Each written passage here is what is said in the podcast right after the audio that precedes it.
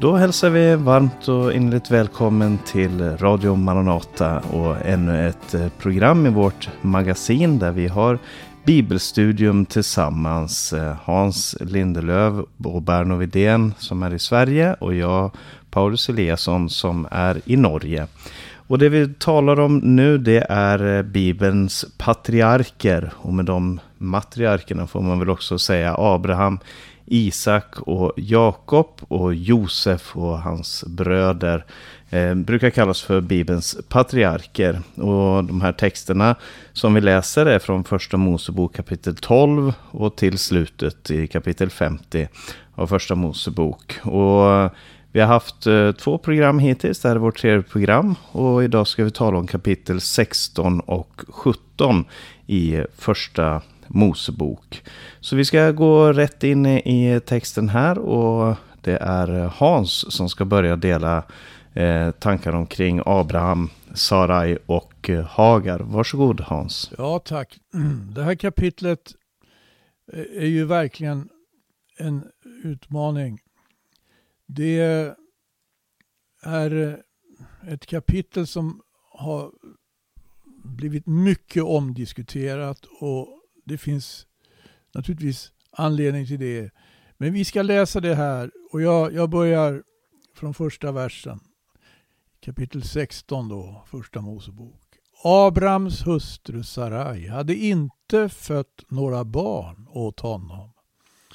Men hon hade en egyptisk slavinna som hette Hagar. Och Sarai sa till Abram, se Herren har gjort mig ofruktsam. Gå in till min slavinna, kanske kan jag få barn genom henne. Och Abraham lyssnade till Sarais ord. När Abraham hade bott tio år i Kanans land tog hans hustru Sarai sin egyptiska slavinna Hagar och gav henne till hustru åt sin man Abraham. Han gick in till Hagar och hon blev havande. Men när hon märkte att hon var havande började hon förakta sin husmor. Då sa Sarai till Abraham, den kränkning jag utsätts för ska komma över dig. Jag la själv min slavinna i din famn, men när hon märkte att hon var havande började hon förakta mig. Herren får döma mellan mig och dig. Abraham sa till Sarai, se din slavinna är i din hand, gör med henne som du finner bäst. När Sarai då bestraffade henne flydde hon bort från henne. Men Herrens ängel fann henne vid en vattenkälla i öknen, den källa som ligger vid vägen till Shur. Han sa, Hagar, Sarais slavinna, varifrån kommer du och vart går du? Hon svarade, jag är på flykt från min husmor Sarai. Då sa Herrens ängel till henne, gå tillbaka till din husmor och ödmjuka dig under henne. Och Herrens ängel fortsatte, jag ska göra dina efterkommande så talrika att man inte kan räkna dem. Sedan sa Herrens ängel till henne. Se, du är havande och du ska föda en son. Du ska kalla honom Ismael. För Herren har hört hur du har lidit. Han ska vara, så som, han ska vara som en vildåsna. Hans hand ska vara mot alla och allas hand mot honom. Och han ska bo mitt emot alla sina bröder. Och hon gav ett namn åt Herren som hade talat med henne. Hon sa du är den Gud som ser mig. För hon tänkte, har jag här fått se en skymt av honom som ser mig? Därför kallar man brunnen Ber Lahairoi. Den ligger mellan Kaders och Beret. Hagar födde en son åt Abraham och Abraham gav sonen som Hagar fött namnet Ismael. Abraham var 86 år när Hagar födde Ismael åt honom. Det här är alltså ganska kontroversiellt kapitel. Därför att, inte bara av denna, alltså inte minst av den anledningen att Ismael blev arabernas förfader. Och i, i den meningen i viss mån då, eller kanske ganska rejäl omfattning, islams förfader. Och då är det ju naturligtvis en fråga, och inte bara en, om de här olika händelserna, olika momenten i det här kapitlet. Hur pass eh, vidsynt och osjälvisk var Sarai eh, när hon så att säga överlämnade sin slavinna då åt, sin, åt, åt Abraham. För att hon hade det här att göra med att hon på något sätt var beaktade att Herren hade givit löften åt Abraham och kände sig som ett stort hinder. Eller var det någonting annat? Var hon desperat? Eller, och ville hon framförallt lösa en pinsam social situation som barnlös ofruktsam hustru åt patriarken Abraham? Det här har diskuterats. Och Abraham lyssnar till Sarais ord. Handlar han därmed klokt? Är det för att, som man, en, en del menar, han hedrar Sarais offer? Hon offrar ju eh, liksom den ställningen som hon har som hans hustru och, och, och retirerar för att en annan kvinna ska få eh, för att han ska få en annan kvinna då som kan föda barn istället för Sarai. Eh, det här är ju naturligtvis frågor som har med tiden att göra också. Men hur pass mycket har det med tiden att göra? Det, det var ju sed på den tiden. Det kan vi ju se vid andra tillfällen i Gamla Testamentet. Att man handlar på det sättet. Det var så viktigt ju det här att få avkomma. Världen var inte så befolkad som den är idag. Och dessutom så hade Gud utvalt den här mannen Abraham. Det är klart, det här kan man ju också... Det finns, man kan få vissa infallsvinklar på det här. Ska vi ta vår moderna tid som infallsvinkel så är det ju överhuvudtaget slaveriet någonting avskyvärt som man har beslutsamt velat avskaffa. Men eh, då, fann, då var en annan tid, det var andra seder. Enligt en baptist i sydstaterna som själv har bakgrund i det muslimska Irak var detta otroligt kortsynt av både Sarai och Abraham. Det borde ha förutsett att en kvinna som hade övergett sitt hemland och låtit sig förslava sitt annat land aldrig skulle orka med den roll som hon nu fick. Här skriver sydstatsbaptisten, här är upphovet till alla krig i vår tid. Det är kanske också lite överdrivet, men det är också en, en infallsvinkel. Men eh, sen har vi då de här det här alltså att eh, eh, eh att eh, Hagar får möta får möta Guds ängel. Och det samtalet som förs då, det som hon får veta av den här ängeln, det som kommer från Gud, ett budskap från Gud till Hagar som har faktiskt blivit så illa, ska vi säga, behandlad av Sarai att hon flytt. Va? Hon, hon fick helt enkelt, det var Sarai tillämpar här husaga. Och eh, Hagar flyr för henne. Men då hon är i öknen vid en vattenkälla så kommer Herrens ängel med det här budskapet då.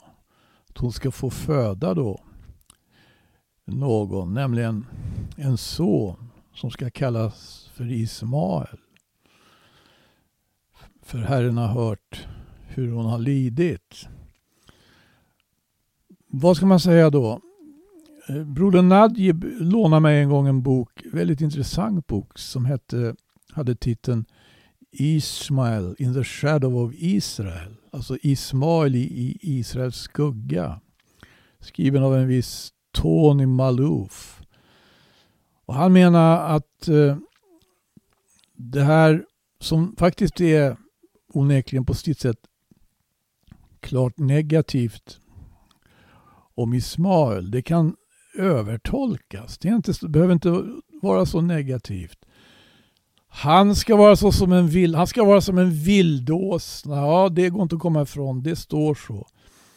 Men det här att hans hand ska vara mot alla och allas hand mot honom. Det skulle också kunna översättas att hans hand ska vara på alla och allas hand på honom.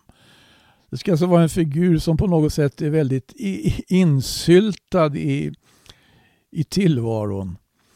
Och sen kommer det här också ledet som översatts där olika översättningar är eh, inte är överens. Vi har 1917, han ska ligga i strid med alla sina bröder. Men jag läste folkbibeln här och där står det att han ska bo mitt emot alla sina bröder. Och de här två översättningarna, eh, de översättningar jag kollat om, kollat igenom, i stort sett inte överens om. Amerikanska New American Standard Bible över, över, håller med 1917 här. He will live in hostility toward all his brothers. Han ska ligga i strid med alla sina bröder eller leva i ett fientligt förhållande. Medan till exempelvis Karl XII har det här, han ska bo emot alla sina, bo emot alla sina bröder. King James, he shall dwell in the presence of all his brethren. Vad ska han göra för någonting? Ska han strida mot alla sina bröder? Eller ska han bo i, i, i, mitt emot dem? Enligt boken Ishmael in the shadow of Israel så är alltså det här ett exempel på flera av hur Ismael och arabernas roll framställs negativt i onödan. Förutom de båda ovan angivna översättningarna, eller exempel på översättningar som jag läst här, så föreslår Malouf ett tredje alternativ. Ismael ska bo längs med alla sina bröder. Och då, då, då styrker han det med första Moseboks 25 kapitels 18 vers. Där det står ju att han ska bo eh, utefter ett visst landområde. Och det här är en sak. En annan sak som där alltså eh, Nya Testamentet eh, ger ju ett perspektiv på det här, exempelvis Galaterbrevet. Där det står att om Ismael och Isak då. Det var ju så att så, så, i, i kapitel 21 i första Mosebok så blir Hagar fördriven. Hon blir tillsammans med sin son Ismael fördriven. Då har Isak blivit född. Och eh, Sa, Sara som hon heter då, hon eh, reagerar mot alltså att Ismael uppträder det står att han leker och skämtar i 1917.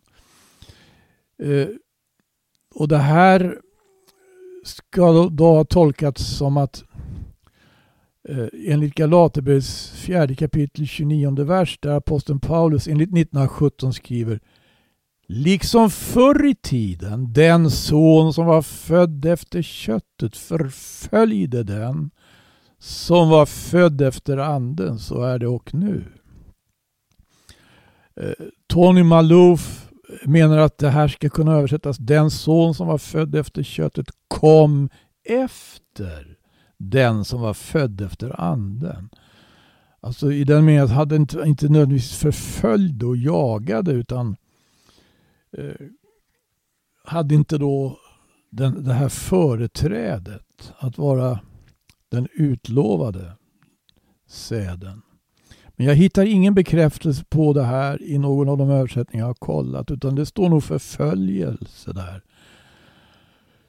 i de flesta översättningar. Liksom förr i tiden den son som var född efter köttet förföljde den som var född efter anden. Och Men när det står eh, om det här menar också Malouf är, är, har reducerat liksom på något sätt arabernas betydelse när det står österlänningar i Bibeln. Så ska det alltså kunna översättas araber. Och därmed skulle alltså Jobb kunna vara arab. Om Jobb var arab så är det ju en betydande gestalt onekligen i Bibeln. Ja, det är bara ett exempel på hur man naturligtvis i vår tid också eh, när onekligen Abrahams efterkommande i världen är ganska många. Man kan se Abrahams efterkommande efter köttet i både judar och araber. Man kan se Abrahams, kom, Abrahams efterkommande andligen i de kristna, eller borde kunna se. Och det vet vi att eh, nominellt sett finns väldigt många araber, väldigt många judar, mer, mer araber kanske, väldigt många kristna då. Och eh, det sker en väldig upptrappning i världen, i tiden, inte bara i Mellanöstern. Men ibland så ser det ut som att det framförallt är där. Och vad man har för syn på varandra då. Det är klart att det betyder väldigt mycket. Det som de här gamla skrifterna innehåller. Men det kan också övertolkas. Det är, det är känsliga frågor. Kapitlet som sådant är som sagt ett, eh, ett kapitel för sig. Och då kommer också det här med att eh, hon får ju en uppenbarelse, eller hon, hon, hon tolkar sin erfarenhet. Hon gav åt Herren ett namn. Hon sa du är den Gud som ser mig. Och då har jag funderat på 1917 som jag tycker är väldigt djärv. Du är seendets Gud. Och när jag läste det här först så betydde det väldigt mycket för mig. Men det verkar som att det var hon, det hon sa var du, den Gud som ser mig. Du Gud ser mig. Du Gud ser mig. Har jag verkligen fått en skymt av honom som ser mig? Jo. Och så brunnen Berla Hairoi då. Får namnet Berla Hairoi. Den levandes brunn. Den levandes som ser mig. Är verkligen, tycker jag, Eh, ja, det, det, det gjorde intryck på mig första gången jag läste och jag tycker fortfarande det håller måttet. Okej. Okay. tack ska du ha eh, Hans för de här eh, tankarna omkring Sarai och Hagar framförallt och Abraham här också. Berno, har du några kommentarer till det som Hans har läst här? Ja, det är onekligen intressant att lyssna till de här, eh, vad ska man säga, analyserna av bibelordet.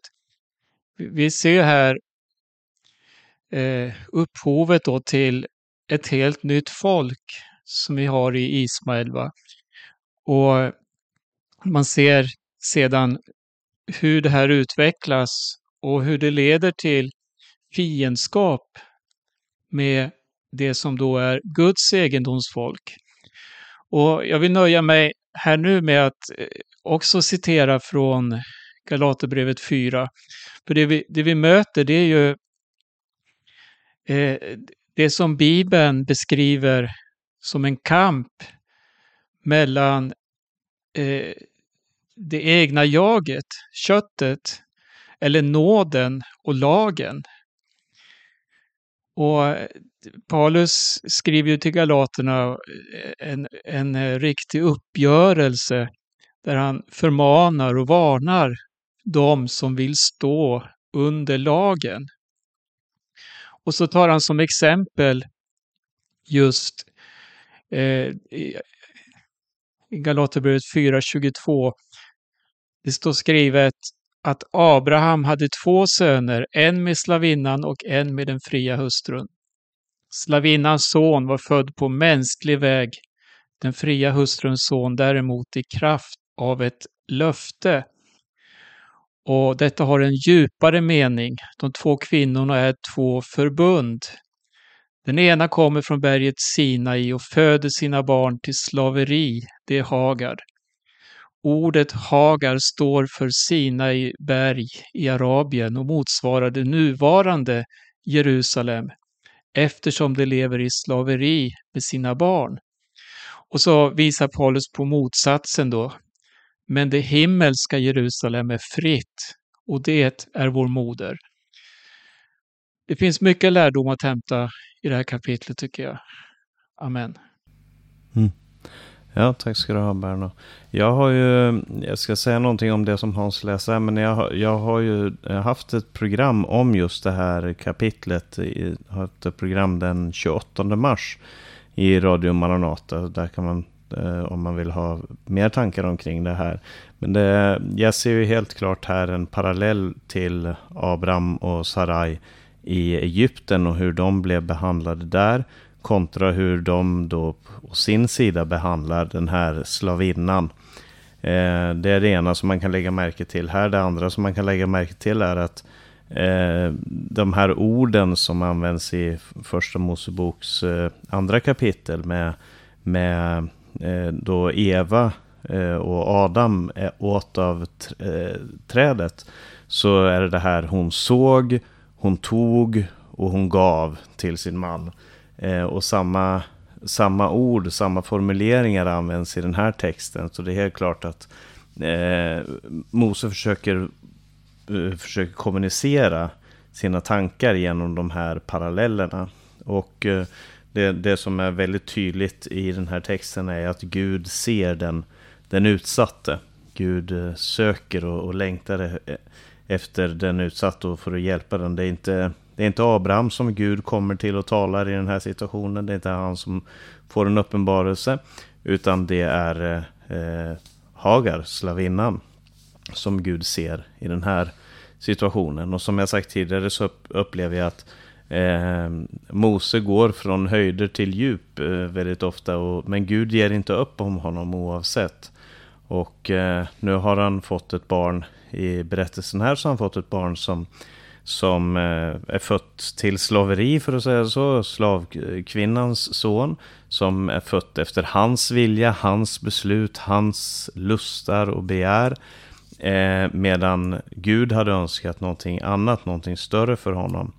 Eh, men eh, som sagt, eh, Ismael han blir också till många stora nationer och folk. men vi ska fortsätta att läsa här. Jag ska läsa ifrån då nästa kapitel, det 17 kapitlet, där börjar det med att säga att när Abraham var 99 år uppenbarade sig Herren för honom och sa Jag är Guden allsmäktige, vandra inför mig och var fullkomlig. Så Abraham är då 99 år, då är eh, Ismael 13 år gammal, alltså 13 år efter det som skedde i förra kapitlet. Och eh, bibliskt eller historiskt så har det varit så många, minst så många år av stillhet ifrån Gud gentemot Abraham då. Eh, I kapitel 12 så, så talar Gud till honom, i kapitel 15 eh, såg vi det igen. Och nu då i kapitel 17 så talar Gud till honom. Men det är många år av tystnad mellan här. Och de ingick ju då ett förbund Eh, Gud lovade förbundet i kapitel 12, de ingick förbundet i kapitel 15. Men eh, i det här kapitlet så talas det om förbundets kännetecken. Vilket tecken ska det vara i det här förbundet? Och eh, jag vet att jag är lite tjatig om de här parallellerna till, till Edens lustgård, men jag tar med det i alla fall för att jag tycker att det är viktigt och stort. Här, här i vers 2 så säger Gud, jag ska föröka dig mycket. Och i vers 6 står det, jag ska göra dig mycket fruktsam.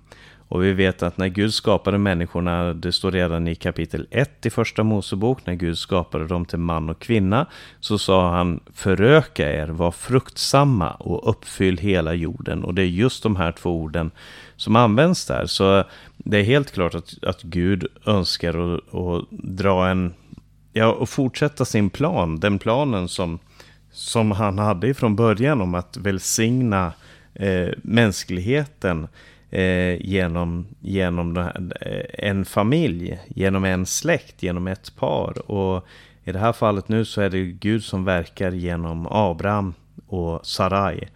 Eh, och så, så det är tillbaka till det här uppdraget att lägga jorden under sig, att härska över den, att plantera, att sprida Guds vilja och Guds kärlek i den här världen.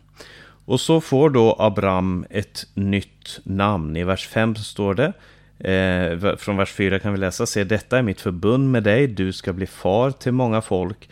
Därför ska du inte mer heta Abram, utan ditt namn ska vara Abraham. Abraham, för jag har gjort dig till far för många folk. Eh, Abram, det betyder upphöjd far, Eh, ungefär, en stor far, eller fan, ja, en upphöjd far. Eh, och antagligen så refererar det till Abrams far, alltså att han hade en upphöjd far. Eh, men nu så får han det här eh, namnet Abraham som, som på ett sätt är det eh, en dialektal förändring av, av eh, namnet. Vi kan tänka som till exempel Andreas och Anders eh, som ju har samma rot. Då. Men det har också en liten betydelseskillnad som, som är att eh, Abraham betyder ungefär far till mängder eller Father of multitudes är översatt på, på engelska. Och det handlar alltså om att han själv då skulle bli en far för många, många folk står det här. Ehm, och så kommer det här förbundet. Gud säger gång på gång, jag ska upprätta mitt förbund mellan mig och dig, mellan dina efterkommande från släkte till släkte. Ett evigt förbund. Du ska hålla mitt förbund, står i den nionde versen. Och i den tionde versen så kommer det här överraskande nog, eh, framförallt med våra öron. Och detta är det förbund mellan mig och dig och dina efterkommande som ni ska hålla. Alla av manligt kön hos er ska omskäras. Ni ska skära bort er förhud och det ska vara tecknet på förbundet mellan mig och er. Och det är ju märkligt. Det får man säga. Det, det är en märklig sak. Om man, om man tänker helt objektivt på det, om man, om man hade landat från en annan planet och inte haft den kulturella bakgrund som vi har. Vi vet att både muslimer och, och judar omskär sina pojkar. Eh, det finns också en del andra små kulturer som har omskärelse. Men, men om man hade kommit liksom dimpt ner ifrån, ifrån eh, himlen för att säga det så, inte haft någon, någon kulturell kontext och så fick man veta det här att ja, Gud kommer här och säger att eh, du ska omskära. Det här ska vara tecknet på förbundet. Det är alltså påminnelsen om förbundet för att du ska minnas, för att folket ska vara knutet till det här förbundet. Så, så ska ni skära av er förhuden. Och man måste ju fråga sig varför. Och det första man kan säga är att det här var ju ingen, det var inte en ovanlig rit på den här tiden. Eh, det fanns många kulturer, det fanns i Egypten, det fanns på andra platser. Eh, så fanns den här riten, ritualen att man skar av förhuden på pojkar. Eh, det, det, det, var inte det ovanliga. Det ovanliga var sättet som det gjordes på, vilken betydelse det hade, i vilken kontext som det händer. För vanligtvis så var det här en initieringsrit till vuxenvärlden. Alltså man blev initierad till vuxenvärlden genom eh, omskärelsen i andra kulturer. Men här i den här texten så står det att det ska ske på den åttonde dagen. Eh, alltså alla som blir födda så ska man den åtta dagar efteråt, när de är åtta dagar gamla, så, ska, så skulle de omskäras. Och det står både den som är född i huset, den som köps för pengar från främmande folk och som inte är din ättling. Alla som är födda i ditt hus eh, ska omskäras. Och eh, så vad betyder att det är den åttonde dagen? Vad vi vet så har det en medicinsk betydelse. Eh, det, det är då som blodet har, har, är så att det kan koagulera ordentligt så att det inte blir skador. Eh, men antagligen så är det också en symbolisk handling. Talet 8 i Bibeln handlar ofta om en ny begynnelse eh, och en ny start. Veckan har sju dagar, på den åttonde dagen så börjar man igen. Och det här används ofta i Bibeln som en symbolisk handling.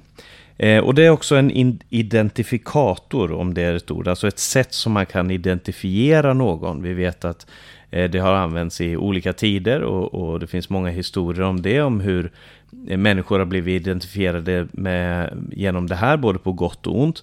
Men på den här tiden så handlar det nog om att en brud kunde se att hennes man tillhörde folket och pakten som de tillhörde. Eh, det, som en säkerhet för familjen så, så fanns det här som en, som en identifikator. Att man såg att den här personen tillhör faktiskt vårt folk. För det här var väl antagligen inte någonting som man gjorde frivilligt med mindre man var eh, nödd och tvungen till det. Men när alla de här sakerna är sagda så tror jag att det centrala i omskärelsen som tecken, det var eh, att omskärelsen handlade om ett överlämnande av sig själv och av sin vilja. För vad har precis hänt i den här historien? Vad hände i kapitlet innan? Jo, Abraham tog en kvinna och gjorde henne med barn. Och jag ska inte försöka att, att vara explicit på något som helst sätt, men han, han använde det han hade. Han använde sin potens, sin, sin lust för att utnyttja en slavinna.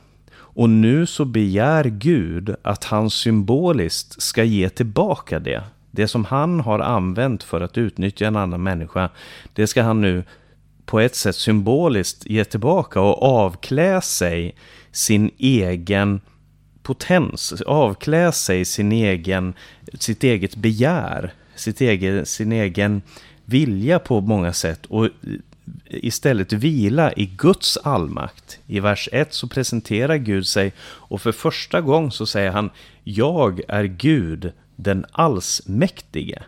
Och eh, inte, när Gud presenteras som den allsmäktige på hebreiska El Shaddai eh, så eh, handlar inte det alltid om att Gud är den som får bergen att rasa eller blixtrarna dundra eller de här stora magnifika sakerna, utan det det framförallt handlar om är att han kan göra ett torrt träd fruktsamt. Alltså det handlar väldigt ofta om fruktbarheten, om, om hur Gud ger liv och skänker liv i det enkla. När han säger jag är El Shaddai, jag är Gud den allsmäktige. Och och det här med omskärelsen som, som symbolisk handling för just det här att överlämna sitt hjärta till Gud. Eh, redan Moses själv, som har skrivit ner det här, han använder också, när han talade till folket i femte Mosebok, så använder han omskärelsen som en bild på något djupare. Han säger, e, era hjärtan måste omskäras. Och med det så menar han att du måste överlämna dig själv och avskilja dig själv åt Herren. Och på det sättet så används den här bilden också i Nya Testamentet om en hjärtats omskärelse. Och innan jag avslutar så ska jag bara ta med helt kort ifrån Kolosserbrevet. För där, eh, den texten i Kolosserbrevet kapitel 2 används ibland. Där, där talar aposteln Paulus om just omskärelsen och i förbindelse med dopet. Eh, det står så här i eh, Kolosserbrevet 2.11. I honom blev ni också omskurna, inte med människohand, utan med Kristi omskärelse när ni avkläddes er syndiga natur och begravdes med honom i dopet. I dopet blev ni också uppväckta med honom genom tron på Guds kraft, han som uppväckte honom från de döda. Och det här är ju sant. Här drar han en parallell mellan omskärelsen som inte sker med människohand, men Kristi omskärelse, vad var det? Jo, det var att avkläda sin syndiga natur och begravas med honom i dopet. Och, då, eh, och, och, det här är fantastiskt, men det är många som använder det här, de som till exempel då döper barn, använder det här som eh, ett argument för barndop och säger att ja, men det som är sant om omskärelsen, Det är också sant om dopet. Här står det att eh, omskärelsen är en bild på dopet.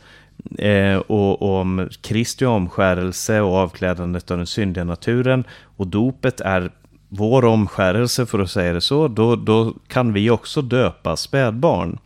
För det som är sant om omskärelsen är också sant om dopet, det har jag hört många gånger. Och jag ifrågasätter det, därför att eh, om det är så att det som är sant om omskärelsen också är sant om dopet, då skulle vi kunna argumentera för att ja, dopet måste ske på den åttonde dagen. Vi kan, säga, vi kan argumentera för att det är bara pojkar som behöver döpas. Vi kan argumentera för att dopet ska ske med en kniv på något sätt och så vidare. Det blir att dra det in absurdum. Det som han pekar på här är att som omskärelsen är att skära av sin förhud, så är eh, Kristi omskärelse, pånyttfödelsen och dopet, det är att avklä sig sin syndiga natur, att, av, att överge sig själv. Och det som omskärelsen är en bild på, är att man skär av eller avklär sig det som man var innan, sin egen sin, sitt eget begär, sin egen eh, väg. Det här egoistiska valet på bekostnad av Guds vilja för ens liv. Och det var det här som omskärelsen hela tiden pekade fram mot. Det var det det var en symbol för för Abraham. Jag tror att det var väldigt tydligt för Abraham när det här skedde. Eh, och, och, och, det är så Mose använder det och det är så aposteln Paulus också använder det när han talar om de här sakerna. Det finns mycket mer att säga om det här, men jag tror att jag ska sluta med det. Och så kanske, eh, kanske Hans först har några ord att säga om den här texten också. Jag tyckte nog att du behandlade den på ett eh, märkligt sätt, verkligen eh, tankeväckande och eh, känner mig nästan lite oförberedd. Jag hade mest förberett mig för mitt, det, det jag skulle säga något om. Men jag, jag har känslan av att det skulle vara värt att eh, fördjupa sig i de här frågorna. Men tack Paulus, det var intressant. Ja, tack själv. Ja, nej, det, det är sant att det finns det är otroligt mycket mer man skulle kunna säga om de här texterna. Och Eh, men nu, då har vi den här tiden som vi har här och försöker kom, eh, komma fram till de, de, här fantastiska texterna och få uppmuntra våra lyssnare att läsa och, och fundera själva över de här texterna också. Bernhard, du ska också få eh, anledning att säga någonting om det här och, och också läsa resten av kapitel, kapitlet här också. Varsågod. Frågan om omskärelse, den, den tycker jag man har stött på då och då och aldrig kommit till någon riktig klarhet. Det finns så många olika åsikter och eh, vad det innebär. Just de här kopplingarna som du nämnde till barnbegjutelse som, som man kan se. Det, det är som sagt in absurdum. Eh, men just det här överlåtandet genomlyser väl ändå budskapet om omskärelsen. Att man ödmjukar sig helt enkelt och säger att jag har en herre över mig. Och i det här fallet är det ju Herren själv det handlar om och det han har sagt. Och även om vi inte kan förstå allt så, så vet vi att det är bäst att göra som Abraham, vara lydig när Herren talar. Nu vill jag eh, läsa sista biten här i Första Mosebok 17. Och det är från femtonde versen. Vi kan börja läsa fram till den 22 versen. Och Gud sade till Abraham, din hustru Sarai ska du inte mer kalla Sarai, utan hennes namn ska vara Sara. Jag ska välsigna henne och ge dig en son också med henne. Jag ska välsigna henne så att folkslag och kungar över folk ska komma från henne.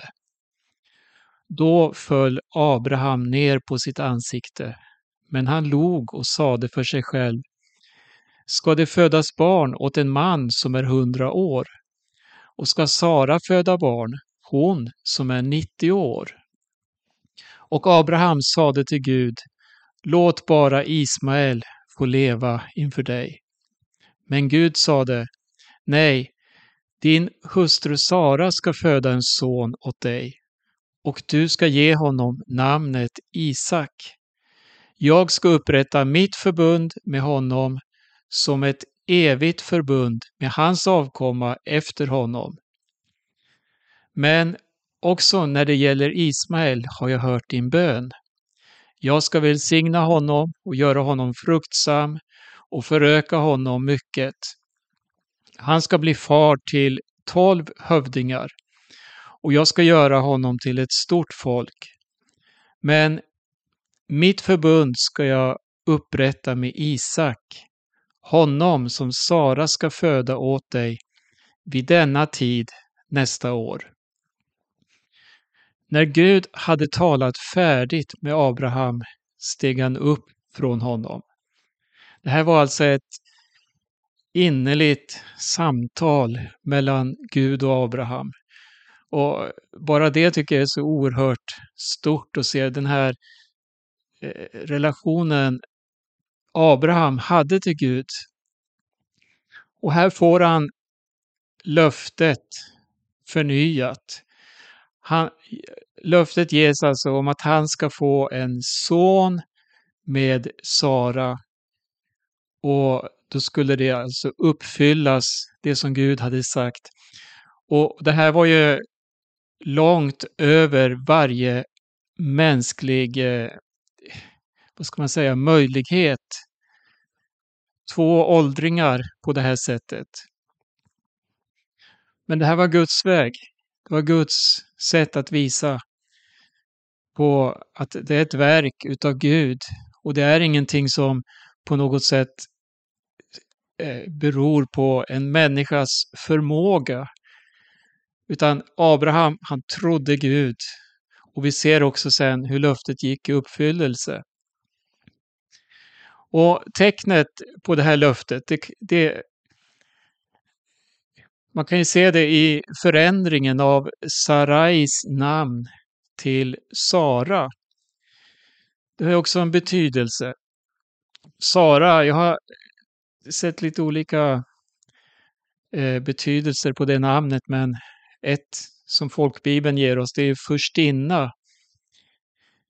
Eh, I spanska översättningar så ser jag att det skrivs som en prinsessa, medan Sarai betyder det här lite mindre, min prinsessa. Men Sara, hon, hon höjs upp här till en furstinna i det här sammanhanget. Och jag tänker på det här också att eh, det är förmåner som Gud ger. Och ju fler förmåner som Gud ger, så desto mer bör vi ödmjuka oss inför oss själva. Abraham, det står att han log. Han visade stor glädje. Jag, jag tror inte det här var att han log av misstro. För att han trodde ju Gud i allt. Han, eh, han, han log, han skrattade. Och oavsett vad som låg i botten av det här leendet så kan vi ju se vad Jesus sa om Abraham. Han sa ju att Abraham gladdes åt att få se Kristi dag. Och, och det är någonting av det här som, eh, som eh, löftet ges kring här. Det här löftet om Isak, som också är en bild då på den kommande Messias. Eh, Jesus sa så här, jag ska läsa det från Johannes 8, 56. I ett samtal Jesus hade som var lite spänt där. Abraham, er far, jublade över att få se min dag. Han såg den och gladde sig. Judarna sade, du är inte 50 år än och Abraham har du sett. Jesus svarade, jag säger er sanningen, jag är innan Abraham fanns. Och när man tänker på det här då, eh, Abraham, han eh, fick löftet om Isak och kopplingen till det Jesus säger här. Han fick se min dag. Det är hisnande tycker jag. Vad, vad Gamla Testamentets budskap förkunnar och uppenbarar för oss. Det har sin uppfyllelse i Herren Jesus Kristus. Eh, Abraham, han, eh, man kan ju se också att han fruktade att Ismael skulle överges av Gud. Och han bad för honom. Och ja, Gud han har ju sagt att vi ska vara specifika i våra böner när vi ber. Oavsett våra bekymmer, farhågor, så bör de läggas inför Gud i bön. Vi ber för våra barn och det största vi bör göra då i våra böner, det är väl att de bevaras i Herren. Ismael, han blev en del av ett förbund, visserligen inte det förbund som eh, har sin upprinnelse i Isak, men ändå i ett förbund som Gud har välsignat. Och Abraham, han blev ju en välsignelse för många folk, så att säga. Ismael, han tillerkändes de här välsignelserna. Jag kanske kan säga de vanliga välsignelserna. Men eh, förbundet som vi läser om mellan Abraham och Gud och dess välsignelser, de var reserverade för Isak. Och han tar emot dem. Jag vill läsa från vers 23 också. Samma dag tog Abraham sin son Ismael och alla som var födda i hans hus och alla som var köpta för pengar, alla av manligt kön bland hans husfolk och spar bort, förlåt, skar bort deras förhud så som Gud hade sagt till honom. Abraham var 99 år när han blev omskuren och hans son Ismael var 13 år när han blev omskuren. På samma dag blev Abraham och hans son Ismael omskurna och alla männen i hans hus, både de som var födda i huset och de som var köpta för pengar från främmande folk, blev omskurna tillsammans med honom. Ja, Abraham och hela hans familj blev alltså omskurna och fick därigenom tecknet på förbundet. Och de utmärkte sig således då från andra familjer som inte hade någon del i det här.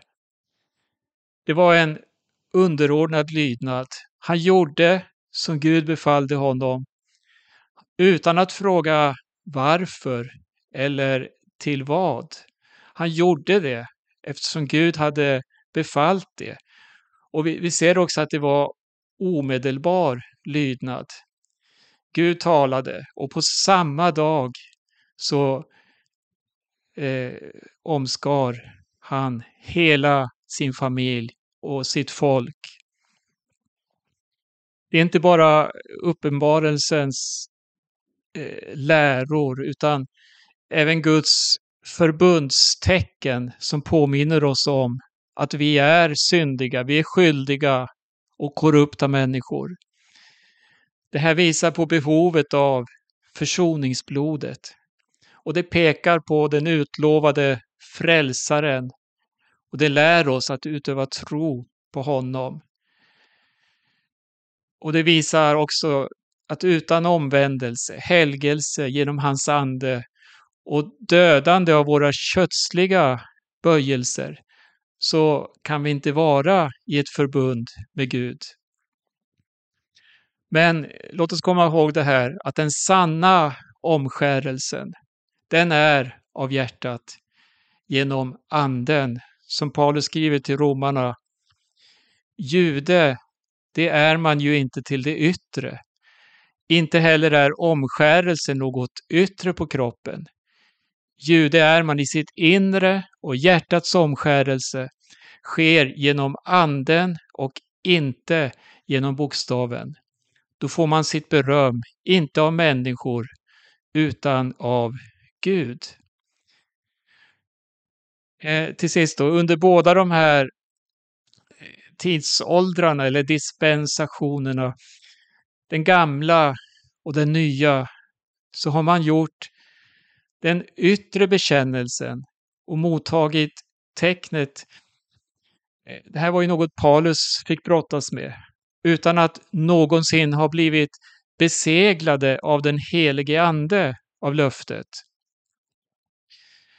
Och, och därför är det så oerhört viktigt just det här att se att frälsningen, den är ett Guds verk och det är honom vi böjer oss under och får uppleva den sanna omskärelsen i våra liv. Amen. Amen. Tack ska du ha Berno för de orden. Eh, Hans, har du också några tankar om eh, sista delen av, eh, av eh, Första Mosebok 17? Varsågod. Ja, det, det, det heter ju i Romarbrevet att eh, Abraham undfick ju löftena medan han ännu var oomskuren. Han, fick också, han blev far till Ismael också medan han ännu var oomskuren. Men han blev far till Isak efter att ha blivit omskuren. Jesus säger i Johannes evangeliets sjunde kapitel att Mose har givit er omskärelsen, inte som om den vore ifrån Mose, ty den är ifrån fäderna. Och så omskär ni människor också på en sabbat. Om nu en människa undfår omskärelsen på en sabbat för att Mose lag icke ska göras om intet. Hur kan ni då vredgas på mig därför att jag på en sabbat gjorde en människa hel och frisk? Här är ju Jesus själv med och lyfter upp betydelsen av det som har skett i forna tider, det som skedde, det som vederfors Abraham. Och visar på vad det handlar om. Att Gud ville göra en människa hel och frisk. Mm. Ja, tack ska du ha. Eh, jag tycker det här eh, den här texten som vi, som vi läser, det, det, är verkligen text som, som det är värt att komma tillbaka till väldigt många gånger. Jag vet inte hur många gånger jag har läst de här texterna själv. Eh, och så varje gång man öppnar det där så, så uppenbarar Gud någonting. Eh, och, och, man får verkligen eh, se hur det här, eh, de här berättelserna speglar sig både i ens erfarenheter, i, i ens kunskap om, om ordet för övrigt och så här. Och, och det här, det som först verkar så märkligt, den här texten om dels det om eh, Hagar och, och, och eh, Ismael som vi läste om här, hur Gud behandlar det och sen förbundet med omskärelsen och sen löftet om, om eh, Isak som, som Gud ger till Abraham. Eh, jag, jag, tycker att eh, ju mer, ju mer man läser det här desto klarare träder det fram en bild av eh, som identifierar Gud som berättar för oss vad, om Guds tankar och Guds vilja. Och det, det är därför som vi, som vi läser de här texterna varje vecka och går igenom eh, kapitel för kapitel. Just därför att vi vill dela med oss av det som Gud har eh, lagt på våra hjärtan här. Och vi ska avsluta med, med det här nästa gång så ska vi se lite på det här om Gud som kommer på besök, på personligt besök hos eh, Abraham och Sara eh, i, i deras eh, tält och, och det som sker med Sodom och Gomorra, Abrahams bön för Sodom och Gomorra och så vidare. Och det, det eh, blir spännande att se på också. Det blir Eh, nästa gång vi har program om det här. Men vi får säga ett stort tack härifrån Radio Maranata. Vi som har samtalat här har varit Berno Vidén, Hans Lindelöf och jag Paulus Eliasson. Eh, vi ska lyssna på en sång nu och så kommer det lite avannonser. Men vi önskar er Guds rika välsignelse och på återhörande. Ja, frälsning funnit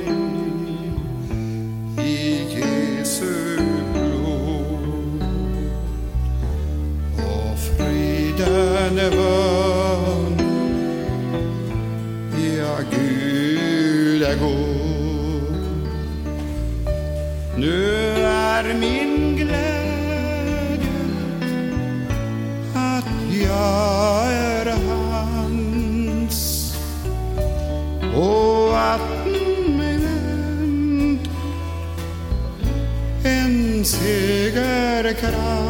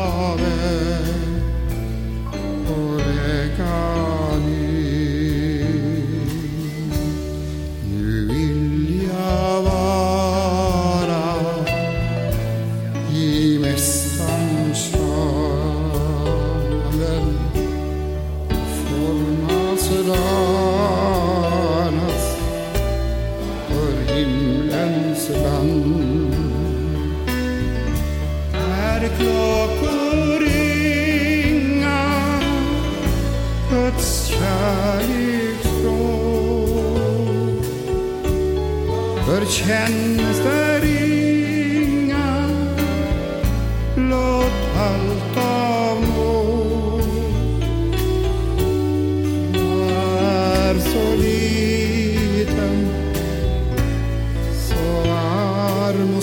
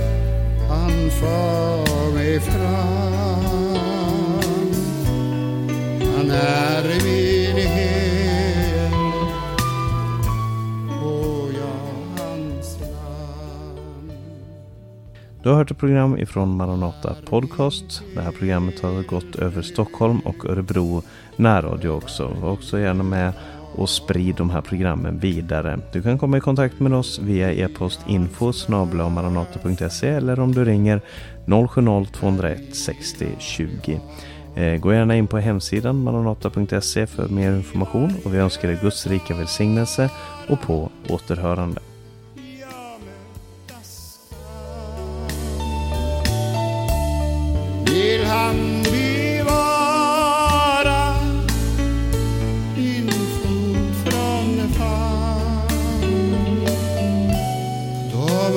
Mörka sjöar och fästet går och vid Jesu hjärta är lugnt ännu då. I varje fara jag mötas vill han bevara min fot famn